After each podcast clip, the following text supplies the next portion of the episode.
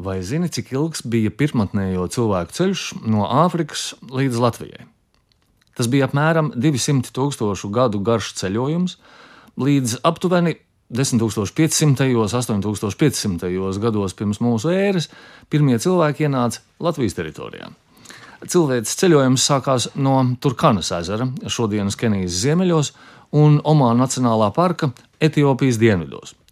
Izpētījuši visus Āfrikas kontinentu labumus, daļa no centēviem no Levantes tuvajos austrumos apguva Kaukāzu un Eiropas dienvidus, bet daļa devās Mezopotāmijas un Indijas virzienā.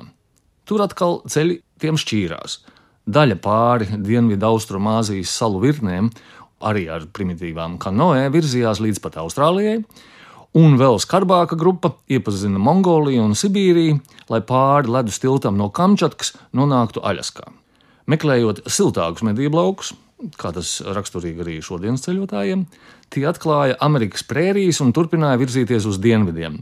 Līdz apmēram 13,000 gados pirms mūsu ēras sasniedza ugunszemi pašos Čīles dienvidos. Ap to laiku mūsu pirmstēvi pirmotnējos valšu ritmos gar Donavas upi gaidīja, kad beigsies ledus laikmets, un sekojot ziemeļbriežu medniekiem, viņi varētu sākt ķert zivis burtnieku ezerā. Ja salīdzina ar citiem civilizācijas ceļojuma maršrutiem un atzariem ceļā pa visu pasauli, mēs te Latvijā esam jau no ļoti seniem laikiem. Jaunzēlandē pirmie cilvēki laivojot no Polinēzijas nokļuva tikai starp mūsu ēras 1200 un 1300 gadu, tādējādi radot maoru kultūru. Kas ir tas dzinulis, kurš šos daudzos tūkstošus gadus virzīja cilvēkus uz priekšu? Kādi bija šie jauno zemju apguvēji? Drosmes noteikti viņiem netrūka vai tie bija vienkārši nemiera gari, vai cilts zinātnākārākie puiši un meitas. Varbūt tie bija paši miermīlīgākie cilts pārstāvi, kuri nevēlējās cīnīties par pēdējo rajona mamutu vai pirmās vijos statusu, un vienkārši devās prom no konkurentiem, pāri kalniem, kur, kā zināms, zāle zaļāka un debesis zilākas.